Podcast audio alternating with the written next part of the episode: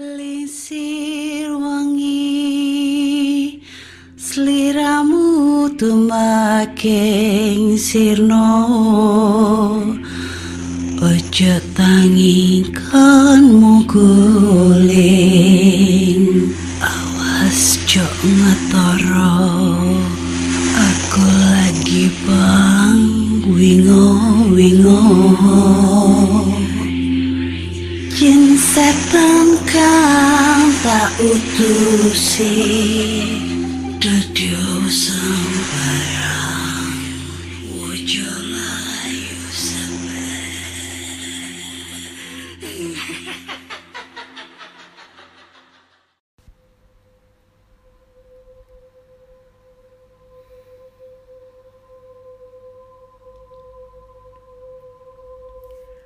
Assalamualaikum warahmatullahi wabarakatuh. Selamat datang di podcast kisah horor.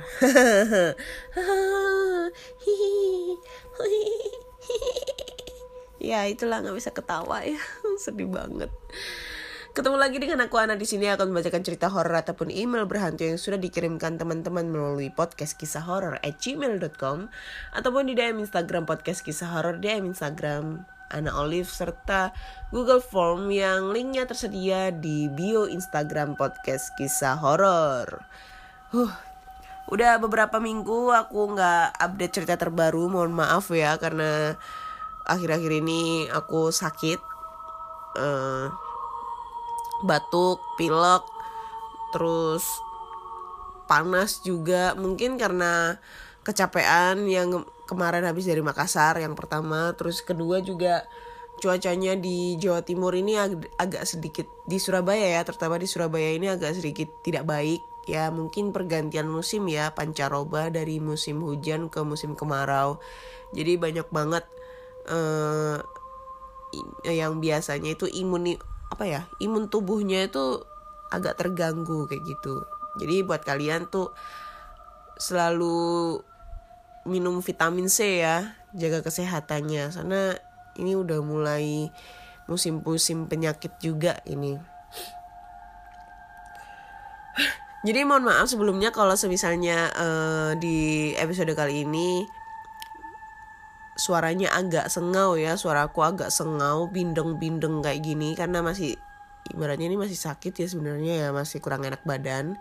Tapi ya mau gimana lagi udah banyak banget yang DM aku untuk protes episode terbaru mana, episode terbaru mana, ceritanya mana gitu kan. Terus di satu sisi lain juga aku mau sedih ini. episode podcast eh episode podcast kisah horor kali ini udah udah out top chart di Spotify. Aduh sedih banget. Jadi pas aku cek itu di uh, top chart 200 besar Spotify Indonesia nggak ada podcast kisah horor udah out. Baru kemarin. Sedih banget. Mungkin efek kurang menarik lagi ya ini ya cerita ceritanya ya. Atau mungkin pembawaan ceritanya kurang menarik. Jadinya uh, out top chart deh.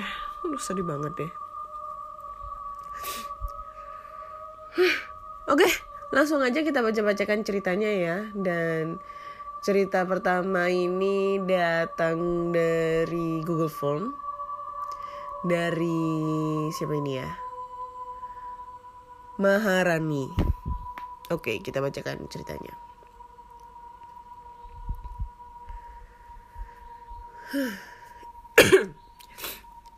Cerita ini terjadi pada bulan Maret 2016 tepatnya di malam Jumat Legi, pada saat menemani suami safari night dengan rute Jakarta Sukabumi.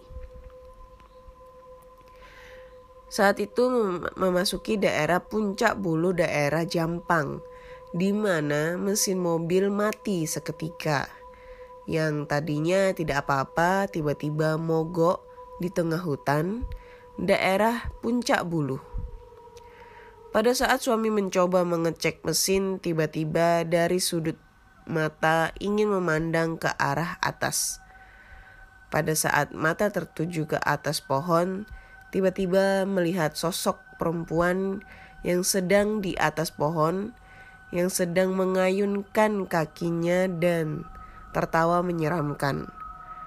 Dari situ suami mencoba berinteraksi agar supaya makhluk tersebut tidak mengganggu perjalanan kami. Dan setelah suami meminta berbicara secara gaib, makhluk tersebut akhirnya menghilang dan mesin pun hidup kembali. Dan kami melanjutkan perjalanannya safari naik off-road kami. Oke. Ceritanya udah selesai ya. Ini jadi ceritanya tuh singkat, jelas dan uh, lumayan ya. Creepy-nya lumayan. Jadi dia uh, Mbak Maharani ini Mbak Rani ini bercerita tentang perjalanan perjalanannya ibaratnya kayak mudek eh mudek mudik ya mudik eh, Jakarta Sukabumi dan pada saat perjalanannya di ke puncak itu dia tiba-tiba eh, mobil yang dikendarainya itu mogok terus pada saat ingin memperbaiki mobil si suami itu melihat ke arah atas ada sosok kuntilanak lagi ngayun-ngayunin kakinya dan senyum lebar menyeringai serem banget gitu lah. Duh. Apa ya? Ya itulah pokoknya. terpesona aku terpesona. Oh, salah kayak ada di video aku di video itu aduh mama ya ada gadis baju putih. Bikin saya terpanah. Aduh nggak kuat nyanyi cuy. Anjir lah. Ya itulah pokoknya. Oke next. Kita lanjutkan cerita kedua ya. Eh uh, coy. Oke cerita kedua mana? Tadi. Kok nggak ada?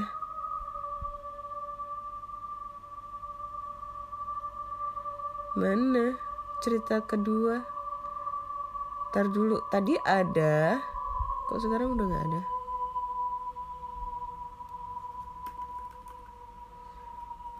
Tadi. Waduh. Oh ini nih digeser. Ceret. Ya apa sih sampai nggak bisa lihat email saya loh Yo, pergi coy.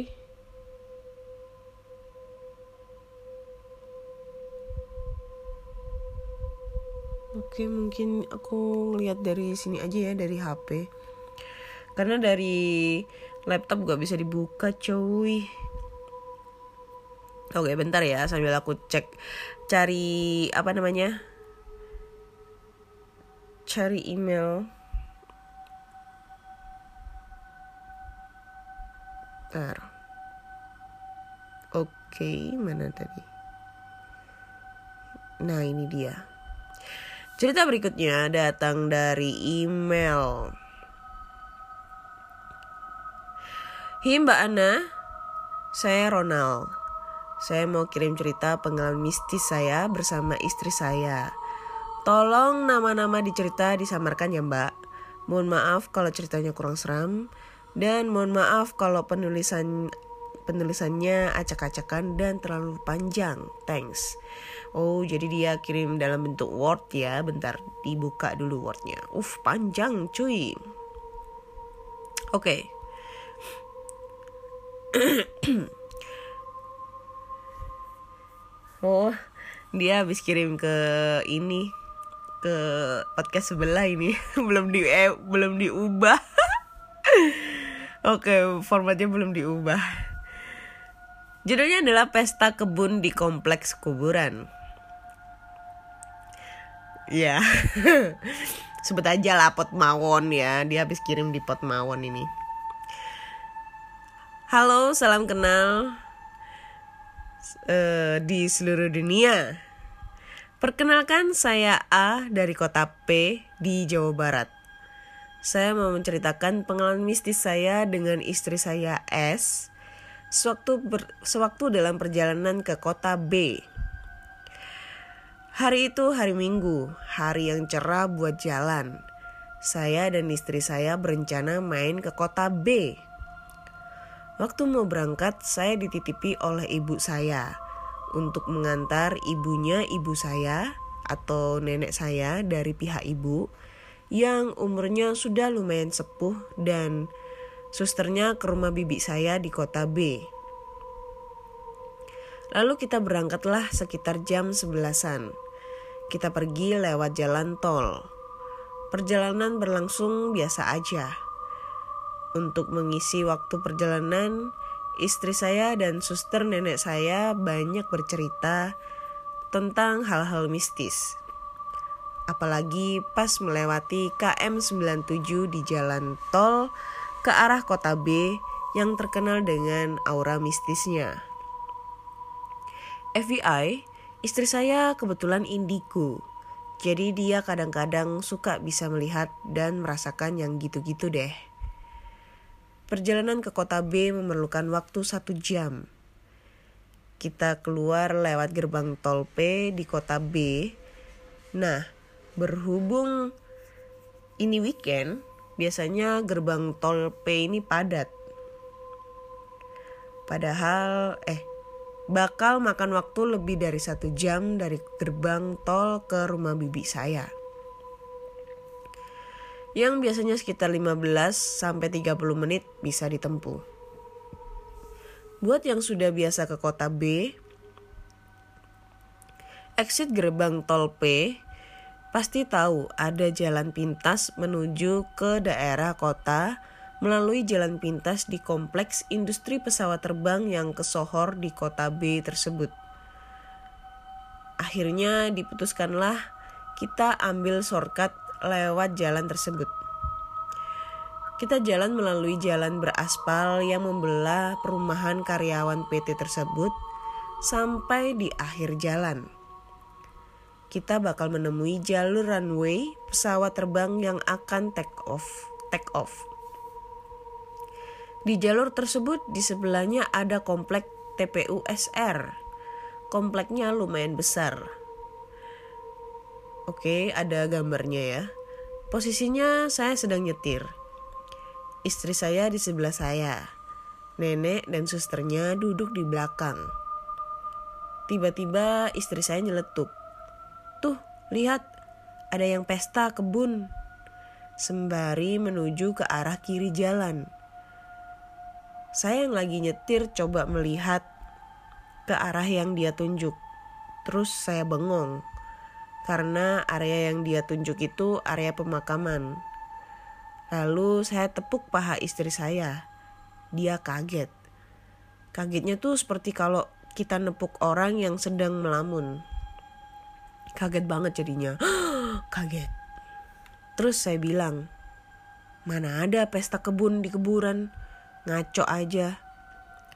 Istri saya bersikeras kalau dia lihat ada orang yang pesta kebun di area tersebut. Ada tenda-tenda dan ada panggung kecil seperti organ tunggal. Dia juga melihat ada sepasang suami istri dan seorang anak yang nenteng-nenteng kado berjalan ke arah itu. Padahal sebelumnya saya yakin tidak ada orang yang lewat di situ. Akhirnya saya putuskan untuk putar arah dan melewati lagi area tersebut. Dan hasilnya tetap pemakaman umum. Dan tidak ada yang berpesta di area tersebut. Sekian cerita saya, mudah-mudahan berkenan dibacakan di podcast kisah horor ya. Gila. Lain kesempatan nanti saya ceritakan pengalaman saya dan istri saya yang lainnya. Terima kasih. Oke, okay, thank you ya ceritanya. Ya ampun. Apa harus aku menyebutkan uh, slog uh, nama podcast sebelah? Berasa kayak gak ada harga dirinya. Aku ini membacakan cerita tapi ceritanya itu sebenarnya ditujukan untuk podcast podcast senior bukan saya gitu kan. Berasa sedih gitu kan jadinya. Aduh salah channel mas tapi gak apa-apa lah apresiasi. Soalnya kan ini kan tadinya kan ditujukan buat aku cuma mungkin for, uh, format wordnya belum diganti kali ya. Maaf mbak kalau foto lokasinya gak bisa kebuka. Ini saya attach yang versi JPG nya Oke. Okay. Oh Oh di sini coy Lokasinya. Oke, mungkin buat teman-teman ya, teman-teman pendengar podcast kisah horor yang mungkin dimaksud dimaksud dengan kota B, kota P, habis itu eh, lewat gerbang tol, terus melewati area perusahaan pesawat terbang, mungkin ada yang nggak asing ya dengan lokasi yang ters- lokasi tersebut. Huh. Istrinya indigo, coy. Jadi dia itu istrinya itu ngelihat eh, kayak ada tuh nyeletuk dong, tuh ada yang lagi pesta itu di sana di kebun. Tapi yang dili yang dilihat dari suaminya itu adalah pemakaman umum. Cuma istrinya itu bersikeras kalau di situ ada pesta, ada panggung kecil, ada tenda, terus ada organ tunggal. Terus habis itu dia ngelihat sekeluarga, ada keluarga yang berjalan ke arah ke, ke arah sana dengan menenteng kado. Pasti itu adalah anaknya kuntilanak sama anaknya pocong lagi mengadakan pesta ulang tahun untuk anaknya ya. Maksudnya kok anaknya kuntilanak sama anaknya pocong. Itu pasti adalah pestanya kuntilanak sama pocong lagi ngadain pesta buat anaknya gitu. Dan anaknya ini adalah tuyul. Gitu kan secara ad- ada organ tunggal, ada nenteng-nenteng kado, tiup lilin, badut-badut gitu kan. Jadi badut itu nanti eh genderuwo gitu kan. Ayo ayo dilihat. Bantu ya, dibantu ya, Bim salah, Bim jadi apa? Prok prok prok. Muncul nanti jadi wewe gombel kayak gitu ya. nggak tahu kan? Kan bisa jadi gitu loh mereka kan sebelumnya kan mempunyai suatu keluarga gitu kan nah di di pemakaman tersebut mereka membuat klaster keluarga baru jadi antara bapak pocong dengan ibu kuntilanak mempunyai eh, mempunyai anak bernama Tuyul. Nah, Tuyul ini sedang merayakan ulang tahunnya yang ke 173. ke 173 cuy tua banget tapi dia masih kecil-kecil aja gitu kan. Kayak berasa nonton Upin Ipin tapi nggak bisa gede-gede dianya itu ya kan? Nanti an adiknya siapa? Mbak Yul gitu atau siapa? Kan nggak tahu. Anjir lah. Serem ya. Nggak bisa ngebayangin. Gue tuh dari dulu pengen banget loh jadi indigo bukan jadi indigo tapi sebenarnya bukan jadi indigo tapi pengen banget buat ngelihat sosok makhluk astral yang bisa dikatakan dia itu adalah hantu gitu loh. Pengen banget gitu kan. Tapi nggak bisa gitu loh. Nggak bisa dengan berbagai cara cara yang ada di Google yang ada di YouTube itu cara-cara kiat cara untuk melihat hantu udah dipraktekin tetap aja nggak bisa gitu. Gimana caranya gitu kan? Huh, sulit banget gitu. Mungkin dari pendengar podcast kisah horor PKH ada gitu saran-saran atau mungkin ada cara khusus untuk gimana caranya biar bisa ngelihat hantu? Karena selama gue jadi ghoster sampai jadi mantan ghoster sekarang belum bisa ngelihat hantu coy. Yang ada ngelihat hantu di cermin itu setiap hari ya ngelihat diri sendiri gitu kan. Serem banget. Apalagi lihat masa depan juga serem madesu masa depan suram gitu kan. Sedih banget. Tuh oke deh. Thank you ya kakak buat ceritanya. Next kita ke cerita berikutnya cerita berikutnya. Tapi sebentar sebentar gue penasaran banget sama ini perusahaan di di di, di kota B itu perusahaan apa sih? Perusahaan pesawat terbang di kota B ya.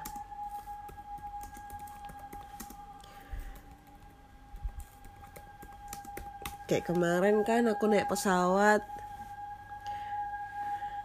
naik pesawat naik ekonomis Lion gitu uh enak gitu terbangnya wus Baliknya naik batik, mabuk coy. Gak biasa naik bisnis.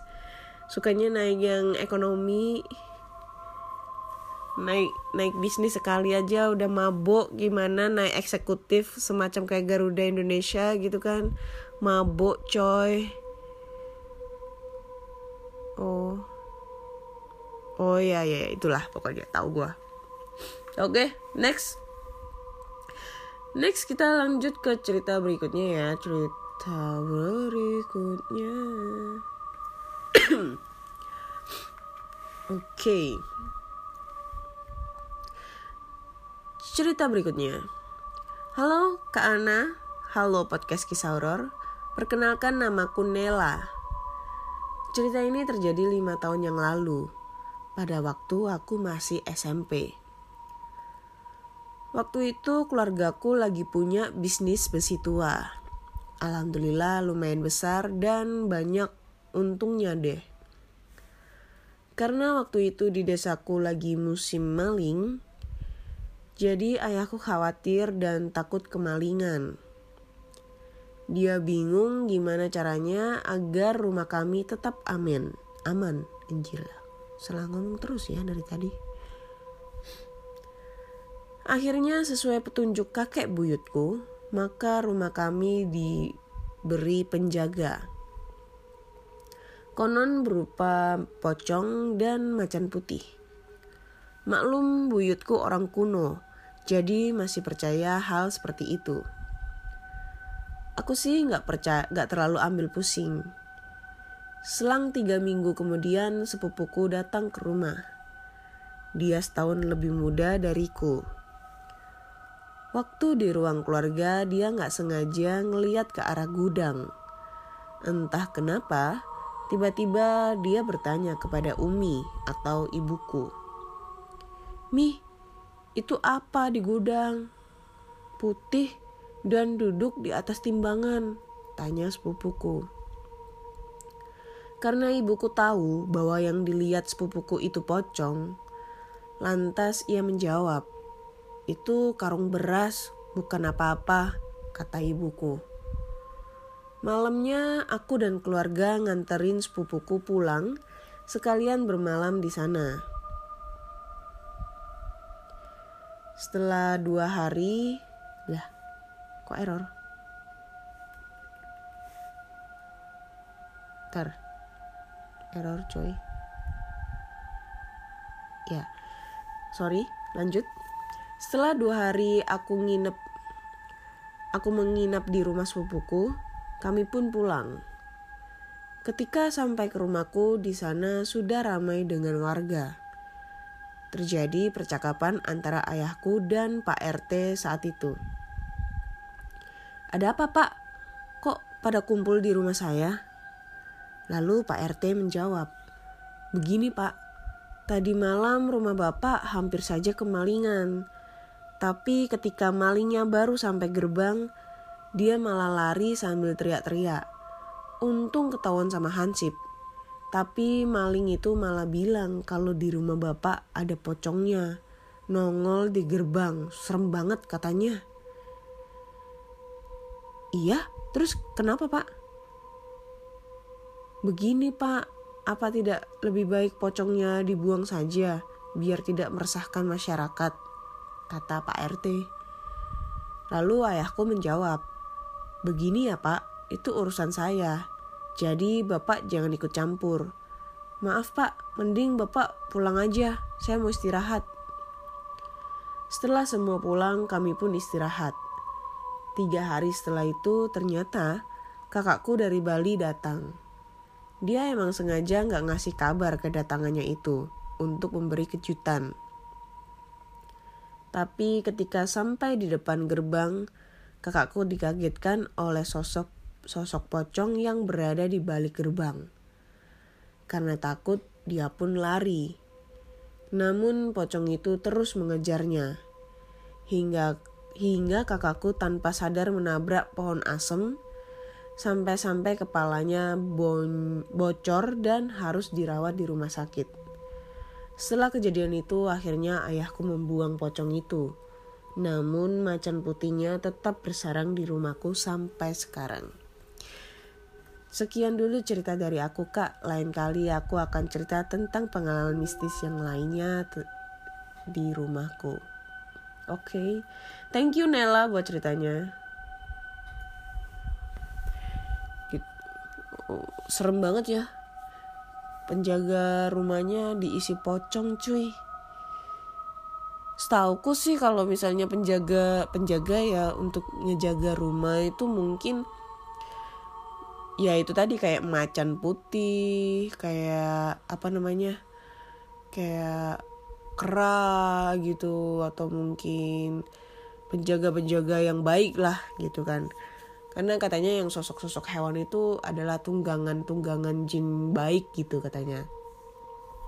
Tapi ini malah diisi sosok pocong gitu kan. Sosok pocong kuntilanak dan lain-lain itu serem menurutku cuy. Bukan malah bukan malah menjaga rumah tapi yang ada malah mencelakakan isi rumah gitu. Karena setauku sih uh, makhluk halus tersebut adalah makhluk jin ibaratnya jin yang jahat gitu loh. Jin yang tidak baik jin buruk gitu. Yang akhirnya berefek mencelakakan salah satu keluarga kayak gitu. Karena ini pernah terjadi di di apa? Di rumah saudaraku. Jadi eh, ayahku ini kan orang-orang Jogja ya orang Jogja. Terus eh, punya saudara banyak gitu. Karena dulu nenekku itu kan nik nikah berapa kali ya? Nikah empat kali apa lima kali gitu loh zaman dulu ya. Fuck girl guys. Nenekku dulu itu ya mbahku. Biar aku fuck girl. Bukan biasanya kan yang fag, yang jadi fuckboy itu kan kakekku ya kakek-kakek gitu kan yang cowok. Ini enggak nenek coy fagger nikah lima kali jadi saudaranya banyak nah salah satu dari saudaranya bapak itu pak Deko dulu itu dia tuh masih ibaratnya itu masih kejawen banget gitu loh. Jadi tuh di Jogja tuh dia tuh punya kebun kebun sama sawah gitu loh. Nah kebunnya ini tuh lagi panen gitu lagi panen. Nah menyiasati supaya uh, buah-buahnya buah-buah sama kayak singkong kayak gitu tuh nggak dicuri warga situ gitu. Akhirnya dia tuh menyiasati dengan kayak ada yang jaga gitu. Nah yang jaga itu katanya katanya saudaraku tuh sosoknya itu uh, manusia kerdil. Katanya gitu manusia kerdil ada se ada berapa ya? 5 atau 10 gitu loh. Pokoknya banyak gitu karena emang luas banget kan uh, kebunnya itu jadi di di pasang penjaga manusia kerdil. Kerdilnya itu bentuknya itu kayak ini.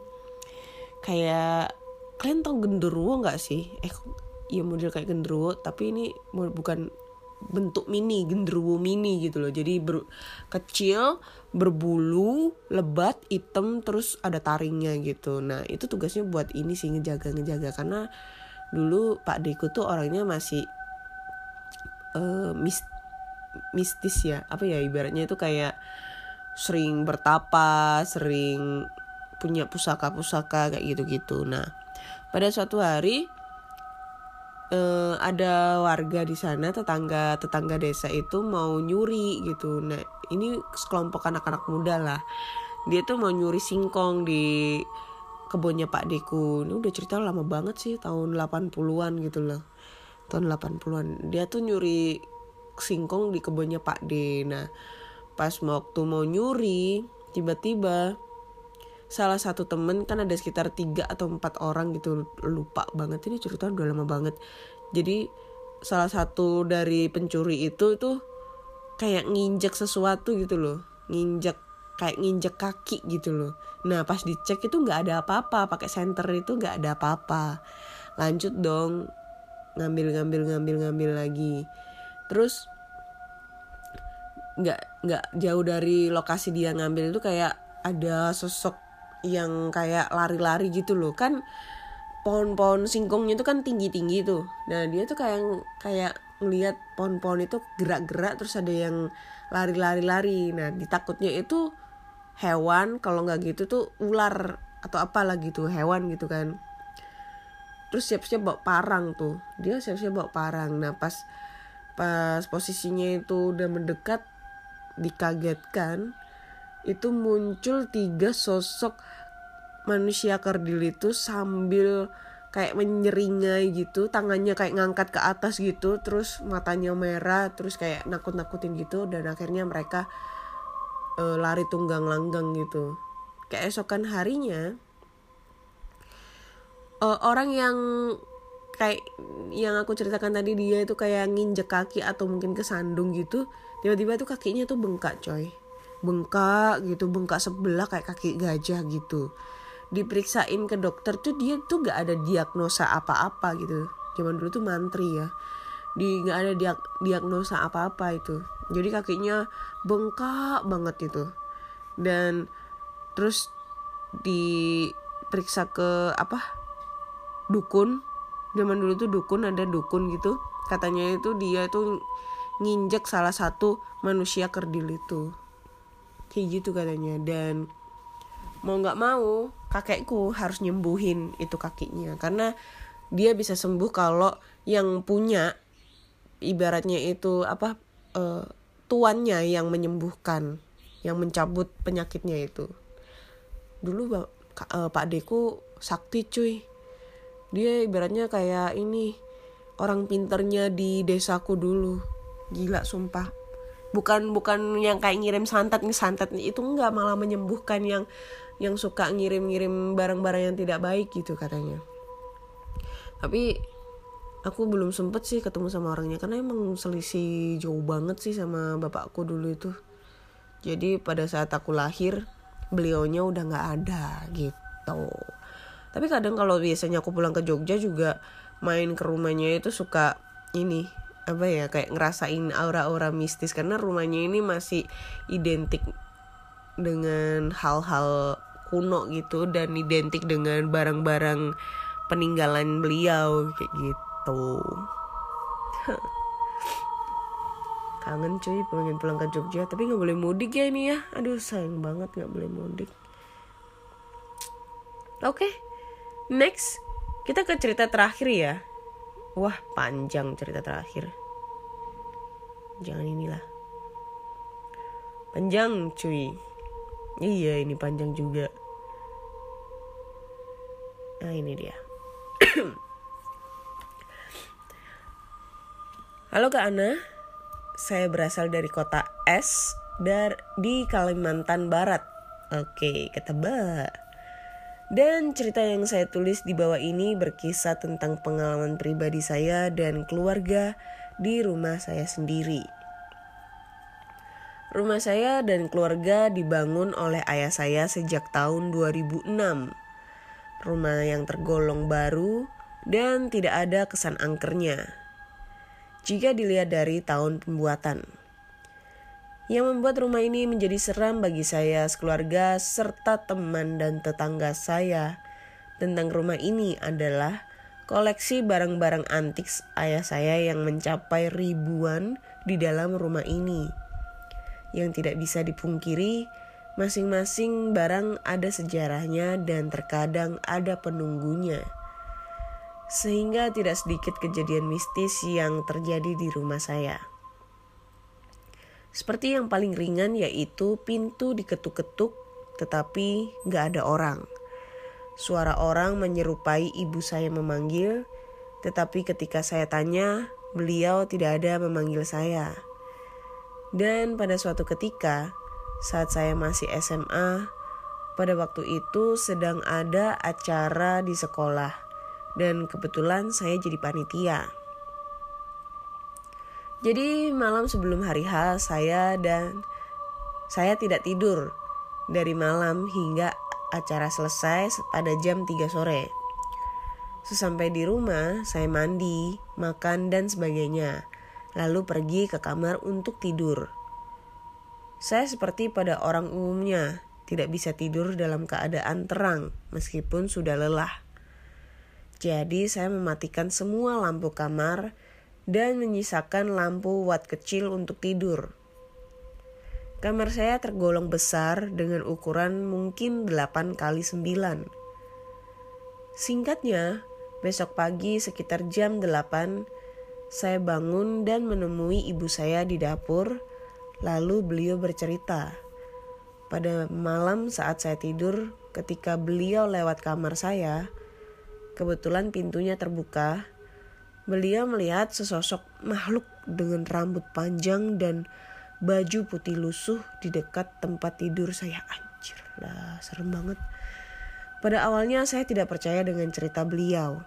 Namun ternyata bukan hanya ibu saya yang ibu saya sendiri yang melihatnya, melainkan adik saya yang laki-laki juga melihat makhluk tersebut berdiri diam di samping tempat tidur saya tanpa rasa kepedulian. Dengan apa? kepedulian dengan saya. Eh di samping tempat tidur saya. Tanpa rasa kepedulian dengan saya mereka pergi untuk memanggil ayah saya di rumah tetangga. Namun ketika ibu saya balik ke rumah beserta ayah dan adik makhluk tersebut sudah hilang. Sampai sekarang saya masih penasaran apa maksud dari makhluk tersebut berdiri di tempat tidur saya seperti memperhatikan saya itu. Thanks Kak Ana udah dibacakan ceritanya. Next aku cerita tentang pengalaman-pengalaman yang lainnya. Oke. Okay. Ini serem banget ya kalau seandainya kita tidur terus ada sosok kuntilanak lagi ngawasin kita tidur ngeliatin aja tidur gitu kan apalagi kalau kita tidurnya dalam keadaan bugil gitu kan terus si kuntilanaknya ngeliatin gitu kan wah. Hidungnya bercucuran darah itu cuy. Mimisan langsung itu kuntilanak ngeliat jackpot. Rasa untuk menyetubuhi itu ada itu kuntilanak itu tadi. Jadi buat lo ya siapa namanya? Ah nggak disebutkan namanya. Mungkin kuntilanak itu sampai sekarang masih ngeliatin lo buat tidur. Jadi saran aku kalau tidur jangan telanjang. Takutnya itu tadi rasa gairah dari kuntilanak itu nanti bakal memuncak dan akhirnya menyetubuhi tubuh molekmu itu. Anjay lah. Ah, gue nggak bisa ngomong ngeras sekarang soalnya lagi bad mood banget lagi sakit jadinya nggak nggak nggak nafsu untuk ngomong nafsu nafsuan kayak gitu deh. Oke okay. kayaknya udah cukup sekian dulu ya. Udah empat cerita yang udah baca yang aku bacakan ya So, buat kalian semua yang mempunyai cerita-cerita horor entah itu pengalaman diri sendiri, kakak, adik, ayah, ibu, kakek, nenek, tetangga, saudara, pacar, selingkuhan, pelakor atau siapa pun itu, kalian bisa langsung ngajak kirim cerita kalian ke podcast kisah horor at gmail.com atau atau di DM Instagram podcast kisah horor, DM Instagram Ana Olive serta Google Form yang linknya tersedia di bio Instagram podcast kisah horor. Jangan lupa follow Instagram podcast kisah horor dan jangan lupa follow podcast kisah horor di Spotify. Nantikan episode-episode terbaru di podcast kisah horor. Dan bye bye.